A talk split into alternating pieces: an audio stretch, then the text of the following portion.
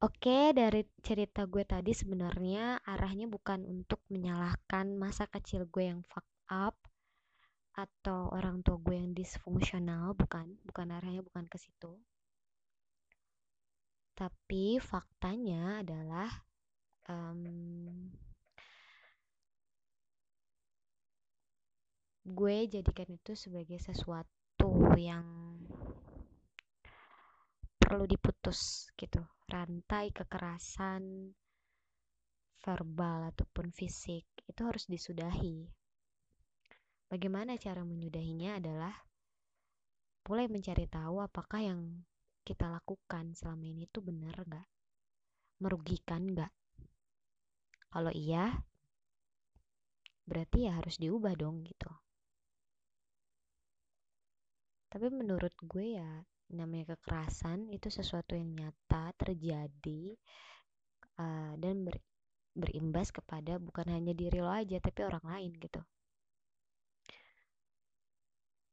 Tapi lagi-lagi ini bukan untuk menyalahkan ini disikapi sebagai sebuah pengalaman empiris yang kita alami selama masih berada di lingkungan terkecil kita.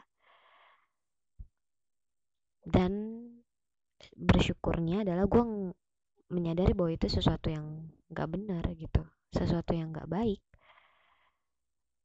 Bahwa pola interaksi yang penuh kekerasan itu gak banget gitu loh. Itu sangat merugikan untuk diri sendiri juga untuk orang juga untuk lingkungan. Itu kayak efek domino gitu loh. Itu semua orang akan dapat dan maksud gue di sini adalah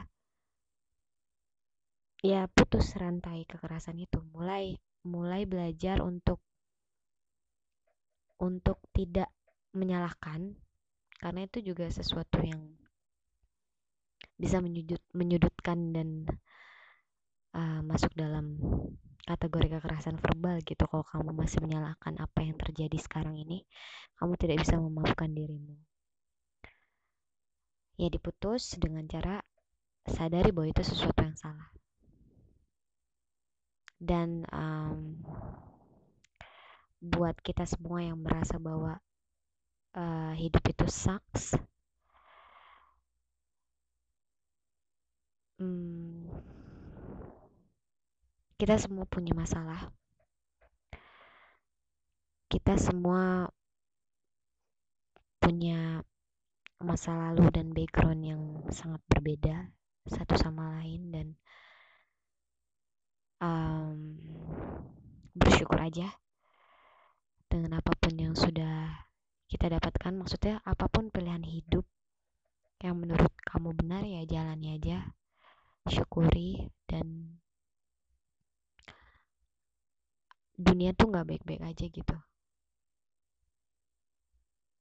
Ya.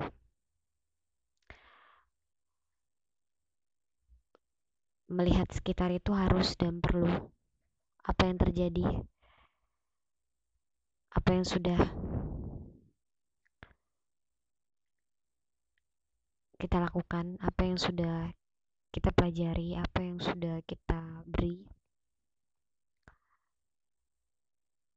dan ya bersyukur kita masih bisa punya rumah dan tidak digusur rumahnya. Kita masih bisa mengekspresikan apa yang kita mau tanpa harus dihilangkan atau dibunuh. Dan kita tidak mengalami seperti apa yang dialami teman teman-teman kita di Papua atau teman-teman kita yang kena banjir atau teman-teman kita yang digusur. Kita tidak mengalami itu. Dan gue di sini sih ngomong secara serius uh, putus rantai kekerasan dalam bentuk apa pun. Fisik verbal seksual itu benar-benar sangat merugikan. Bukan ini bukan saatnya untuk menyalahkan apa yang sudah terjadi atau apa yang sudah terbentuk di dalam diri kita ya. Tapi adalah saat di mana kita berusaha untuk memutus rantai itu tidak lagi menjadi seseorang yang ashol gitu. Thank you